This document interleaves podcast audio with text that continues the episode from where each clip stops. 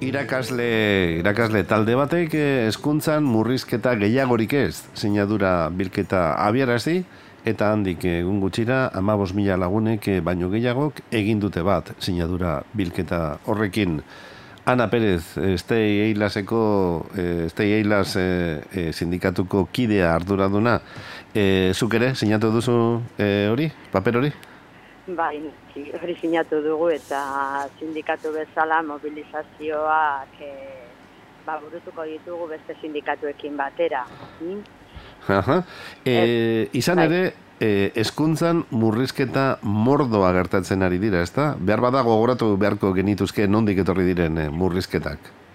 Bueno, ba, murrizketak, e, ba, badakizue, hori lan erreformarekin batera, hainbat e, murrizketa, plan, bueno, gutxien ezarbitzu publikoetan e, burutu behar ziren, eta purka-purka joan gara, ba, bueno, ba, dibidez, e, pedagogia terapeutikako kas, e, irakasle kontratazioak gutxitu egin dira, e, ba, taldeak e, bikoiztu beharrean, bat dira bikoiztu beraz tutore bi egon beharrean tutorre bakarra. Orduan hauek izan dira modu ezkite, modu e, errez baten esan algenuke ba ere iskutua aplikatu egin da, ez da? Zelen, ba, bueno, gela batzuk e, ratioa gainditzean, adibidez, hogeita bostetik, hogeita zeira pasatzean, ba, lehen aukera zegoen, batez ere kontuan izan da, behar berezietako umeak bertan baziren, edo e, ba, etorkin kopuru handiago eta ba, e, indartzeko euskeraren ikasketa ba, albideratzeko, orduan, hogeita zeira pasatzean, gela batzu bikoizten ziren, beraz, bi gela sortzen ziren gela batetik. Hori azka, e, azkenengo urtetan ja ez da gertatzen e, badago ratio azken batean hogeita bostekoa da minimoa, beraz, hogeita zei edo hogeita zazpi topa dezakegu gela batean, eta, ba, bueno, ba, hor, eta hori etengabe, da, urte batetik bestera lanpostu esarrenda e, aurkezten digutenean ikusten ditugu. E, maiatzean ere egon zen beste kezka bat, hori ba, daude eskola batzuk, ez, eskolaz kanpoko ekintzetarako ba, proiektuak, proiektua ez izena duena, ba, bai. martxan dagoela azkenengo, bueno, ba, orain dela urte batzuk, esan dezakegu, ba, amabost urte baino gehiago. Egia da, ez dela proiektu orokorra, ze, bueno, baldintza batzu bete behar ziren, proiektu hori buru, e, burutu alizateko edo aurrera eraman alizateko eta proiektua toki gehienetan oso ondo funtzionatu da, da batez ere bultzatzen zena zen liburutegi, eskolako liburutegia, eta orduan eskolako liburutegia ba, proiektua, ez hori proiektua, ezen bakarrek e, umea bukatzen zutenetik aurrera, baizik eta arratsaldea orduan klase orduetan ere ba, ba, zegoen pertsona bat, liburutegia sartu aktivitateak e, bultzatzen zituena ba, irakurketa motibatzeko eta olako gauzak. Eta gero, erdietatik zeietara edo, ba, zerbitzu hori zabalik egoten zen, eta bueno, ba, nahiko e, ospeona eta nahiko erakargarria zen. Eta inolako ebaluak eta egin barik, aurten erabaki dute bizkaiko irurogeita iru plaza erdiak direnak, da? Bai. Eraz, hoge, bai. Baina irurogeita iru plaza horiek e, bertan bera ustea, Gipuzko pasan urtean batzuk e, murriztu zituzten eta aurten beste hogei, berez ia egun plaza desagartu dira azez proiektukoa. Asko, eta, asko dira horiek, eh? Asko dira, bai, bai. Eta batez ere e, egiten zutena, bueno, zen eskola kordutegia eta hori, baina mm, bultzatzen zituzten oso normalean bai familien partetik eta bai klaustroaren partetik oso ondo ikusita ziren horrelako ekintzat. Eta, bueno, modu batez ere esan dezakegu, e, e, hori ez batez ere, plan, e, bueno, e, dira martzan, ba, zentros desfavorecidos deitzen diren horietan, eta, eta horretan, ba, igual, e, ikasleen ekonomia maila bajuagokoa direnak, eta orduan modu batez, e, azez proiektu horrek egiten zuena zen berdintasun kakaskoen artean, berdintasun bermatxea, da, ze dirua duten familiek, Omeak e, eskola bukatu bezain proto, edo nora eramateko aukera dute gantzara, musika eskolara, baina badaude familia batzuk, ba, almen ekonomiko asko zikinagoa dutena, eta orduan lauterdietatik aurrera izerkaten aukera hondirik, bueno, ba, e, bestelakorik egiteko. Batzuk, hori da, beste ekintza batzuk aurrera eramateko. Eta orduan, alde batetik proiektiek garatzen zuten berdintasun aukera esan dezakegu, eta gero beste aldetik ere konziliaziorako laguntzen zuten. Eta gauza bera, omeak lauterdietan ateratzea, edo zeiak arte egotea, gainera aktivitate egokiak egiten, orduan, gu pentsatzen dugu oso galera garrantzitsua. E, guraso batzuk egin zuten prentza aurrekoa eta hori, baina bueno, e, ezkuntza zaiak e, gainera erabili dituen argudioak izan dira un poco, bueno, ba, baki, barregarriak, ez da? Ba, espadakoak, ez da? Bai, bai, proiektu hori bakarrik eskoletako euneko geian ezarrita zegoen ez berdintasuna bermatzeko ze, bakendu. Orduan, orokurtu beharrean, funtzionatzen den proiektu bat orokurtu beharrean, funtzionatzen den tokietatik kendu dute toki, zentro guztiak berdin egoteko. pues bueno, gainera egia da zentro guztiak bai proiekturi gabe gongo dira, baina zentro guztiak ez dira berdinak. Badaude zentro batzuk non behar handiak dauden eta gutxienez proiektu hori, bueno, ba, bermatzen zituzten hainbat, ez dakit, hainbat, bueno, ba, aktivitateak eta hainbat aukera omentzako. Eta gabeziak eh, eskutatuko ditugu, baina desagerrarazti ez inola ere ez, ezta? Horre gongo baitira. Hori da, hori da. Ana, beste... Eta gero, bai, eta azken, izan da, ba, ausetegin, ausetegin nazionalak ezka, bueno, ba, lonze dela eta, eta murrizketa direla eta, ba, bueno, ba, hau, planteatzen zen ikasleen, eu ikasleen, irakasleen, lan orduak, baina ez lan orduak, eskola orduak haunditzea. Hemen e, ez da aplikatu orain arte, baina, bueno, jontza, ba, nazionalak esan du aplikatu behar dela, eta eskuntza zaiak esan du aplikatuko duela. Ez dakigu oso ondo nola aplikatuko duten, argi eta garbi e, eutxi nahi duguna, ze, batzuetan esaten da ez, e, irakaslek ordu gehiago lan egingo dutez. Lan orduak berdinak dira, eskola orduak dira unditzen dituzte. Hau da, hogeita iru ordutik, hogeita bostera. Omen ordutegia hogeita bost ordu dira. Eta ba, irakaslek zuten hogeita iru ordu eta beste bi ordu ziren ba, proiektuak burutzeko, batxuetan bikoizketak egiteko, edo arazo gehiago zuten umeekin bat alde txikiagoak burutzeko. Orduan, orain aukera hori galtzen da, guztiok egongo direlako, ikasten duten beste ordutegia betetzen. Hau argi dezagun ondo, ze badago nahiko leyenda urbana, ez da, gai honen inguruan, eskola ordu gutxi, lan ordu gutxi, eta...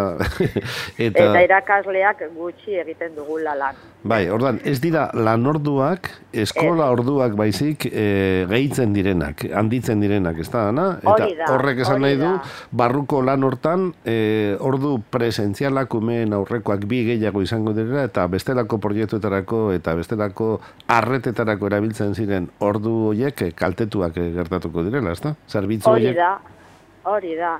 Eta horri gehitu behar diogu, ze orain arte, e, bajak, gaixotasunagatik edo beste dozein bajak, ba, bosgarren egunetik aurrera betetzen ziren. Guk ja nahiko salatu dugu eta nahiko kritikatu dugu, ba, bost egunetik aur, bost egunean umeak e, ordezkori gabe egotea horri dela, bueno, ba, salbajada bat, ez da? Bueno, ba, hori nahiko ez bada, igoko dira amarregunera. Orduan, horrek izan nahi dut, irakasle bat gaizotzen denean tutorea bazara, zure gelako umeak egongo dira ama egunetan, hau da, bi astetan, inor ordezkori gabe. Horrek esan nahi du, irak orduka, irakasle bana pasatuko dela hortik. Bai. Baina gertatzen dena, ordu kredito, hau da, bi ordu horiek, libratzen genituen ordu horiek, batzuetan proiektuak ere edo poirez, proiektuak edo beste planak egite, egin beharrean egiten genuena zen zain hau da irakasle bat gaixotzen bada orduan ba, ordezkoa llegatu arten aprobetsatzen genuen kredito ordu kredito hori ba, ba, e, beste, lang, beste langileen bajak betetzeko Bai. Orain ez dakigu nola egingo dugun, are gehiago amar egunetan. Hori da soramena. Bai. Hori ez dauka inolako justifikaziorik eta orduan pentsatzen dugu ez garela irakasleak kaltetuak. bakarrik izango, bai kaltetuak izango gara, noski gure lan baldintzak. Aurrak ere bai, ikasleak ere bai.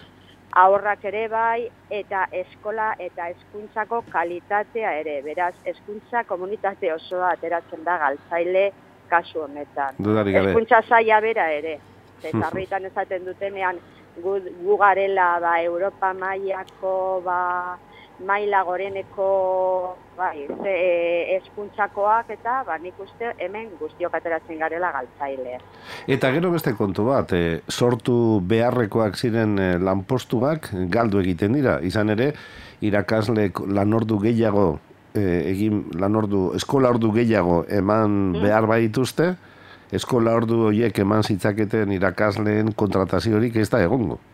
Hori da, hori da. Eta gure kalkuloen arabera, ba, irakaskuntza publikoan, ia bi, mila irureun lanpostu gutxi gara galduko dira. Eta itunpeko eskoletan, hau da, ba, e, gizarte ekimenekoak edo ikastoletako kasuetan, e, ia irure, izeireun lanpostu galdu dira. Zehor batez ere eragine izango du lehen eta bigarren eskuntzan. Bi euilen eta aurrezkuntzan. Bigarren eskuntzan eragin gutxiago dute ze ordutegia gainatuta daukatelako. Baina esan dezakegu ikasturte honetan erkidegoan bueno, hori kontatu darik, kontatu, lehen kontatu dudan guztian, bakarri neurri hori hau aplikatzi irumila postu gutxiago egongo direla eta oso larria da, oso, oso larria da. Mm. E, ipinditzagun bi muturrak, e, Ana, amaitzeko. E, konta iguzu, e, zenbat e, eskola ordu ematen dituen irakasle batek, batez beste zenbat ikasle dituen gaur egun, eta zenbat eskolordu eta zenbat ikasle izan beharko lituzken? E, gaur egun duten, hogeita, hau da, eskola orduak hau da, umeekin arreta zuzena, lehen eskuntzan eta aurre eskuntzan hogeita hiru ordu. Eta beste bi orduk ziren, ba, ba, beste, ba, lehen esan duguna, da, beste aktivitateak edo proiektu bai. aurrera eramateko, eta momentu honet, eto, badakizue, gero gu bost ordu dugu, ikastel e, eskoletan ba, ba, prestaketak egiteko, gurasoekin bilerak egiteko, beraz gure e, lan ordutegia, hori eskolak ordutegia da alde batetik hogeita bost ordu lektibu, gehi bost, hogeita mar ordu guztira. Eta aldaketa honekin, berdin, berdin, hogeita mar ordu egingo dugu, baina hogeita bost ordu arreta zuzenekoak. Orduan ez dakigu zelan, e, zelan edo beteko ditugun eskoletan dauden beste ardurak. Eta, eta bigarren, ez, bai, eta bigarren eskuntzaren kasuan, bigarren eskuntzan daukate irakasle kamazazki amazortzi ordu arreta zuzenekoak, gero dituzte beste bi hiru depende e, zaintzetarako eta zaintza horiek, ba, lehen esan dugu ez ba, edo taldeak ere bikoizteko edori, eta orduan amaz, e, orain izango dute hogei ordu e, arreta zuzenekoak gehi beste hiru edo ba, zaintzetarako. Eta ideala litzateke? Ba, guk aldarrikatzen genuen gutxienez, hori. Hogeita hiru ordu pentsatzen dugu nahikoa dela, eh? Baina batzuetan egia da ez dela orduak, eh, orduen, ze hogeita hiru asko edo depende, baina batzuetan da taldeak masifikatu egiten ari dela. Osa, talde etengabe ari dira haunditzen, taldeen anistasuna gero eta haundiagoa da, anistasuna oso aberazgarria da, baina anistasuna... Kudeatu behar da, da, atenditu behar da. Behar da. Eta atenditu behar da, behar den bezala, ba, ez, ez gertatzeko hainbat momentuetan ere salatu duguna, eta ba, aurre egiteko, et, e, umen ba, jatorria gerota ba, anitzagoa da ere, eta ume horiek pentsatzen dugu beste umeek bezala eskubidea dutela gutxienez ez eta gaztelani hau da bi hizkuntza ofizialak menperatzeko. Eta horretarako hogeita bost ume ikasgela batean non e, anistasun handia dagoen eta laguntzari gabe ba, batzuetan oso zaila suertatzen zaio. Duan eta bakarrik orduak, baizik eta pentsatzen dugu guk ordu, hogeita hiru ordu e, nahikoa dela, ez dugu gehiago eska, edo gutxiago eskatuko, baina baliabide gehiago egotea hori bai eskatzen dugu. Ba, orain bildu duzu eskaera guztia, azken esaldian, Ana, galgian. Ba, bai. ba, Ana Pérez, ez da hilaseko sindikatuko kidea. Bai, igual, bai, bai, Javier, aprobetsatuko nuke esateko, ostiral honetan, ah, bai. e, konzentrazioak e, burutu, e, bueno, egingo ditugu e, erkidegoko hiru delega, eskuntzako delegazioetan amabiterdietatik e, ordu bat akarte. Badakigu ikastetx, e, irakasle asko ez dute igual aukerarik izango bilbora llegatzeko or, edo beste hiriburueta llegatzeko eta orduan animatu nahi ditugu ere ba, eskola eskolako atean edo eskolako patioan edo jartzea esan ez ba hori, murrizketarik ez. -huh. Orduan deialdia egiten dugu, deialdia egiteko. Gainera, esan behar dugu, honetan, bos, irakaskuntzan gauden bos sindikatuok bat egin dugu e, aldarrikapen honetan. Mm? Edarto. Ba, esan da gelditzen da, Ana, mila esker, eta vale, urrengo batean eh, komentatuko ditugu, ia, hobekuntzarik egin daiteken eskuntza hortan. Mila esker. Ea horrela, ea horrela den, zuri agur bai. Agur. Agur.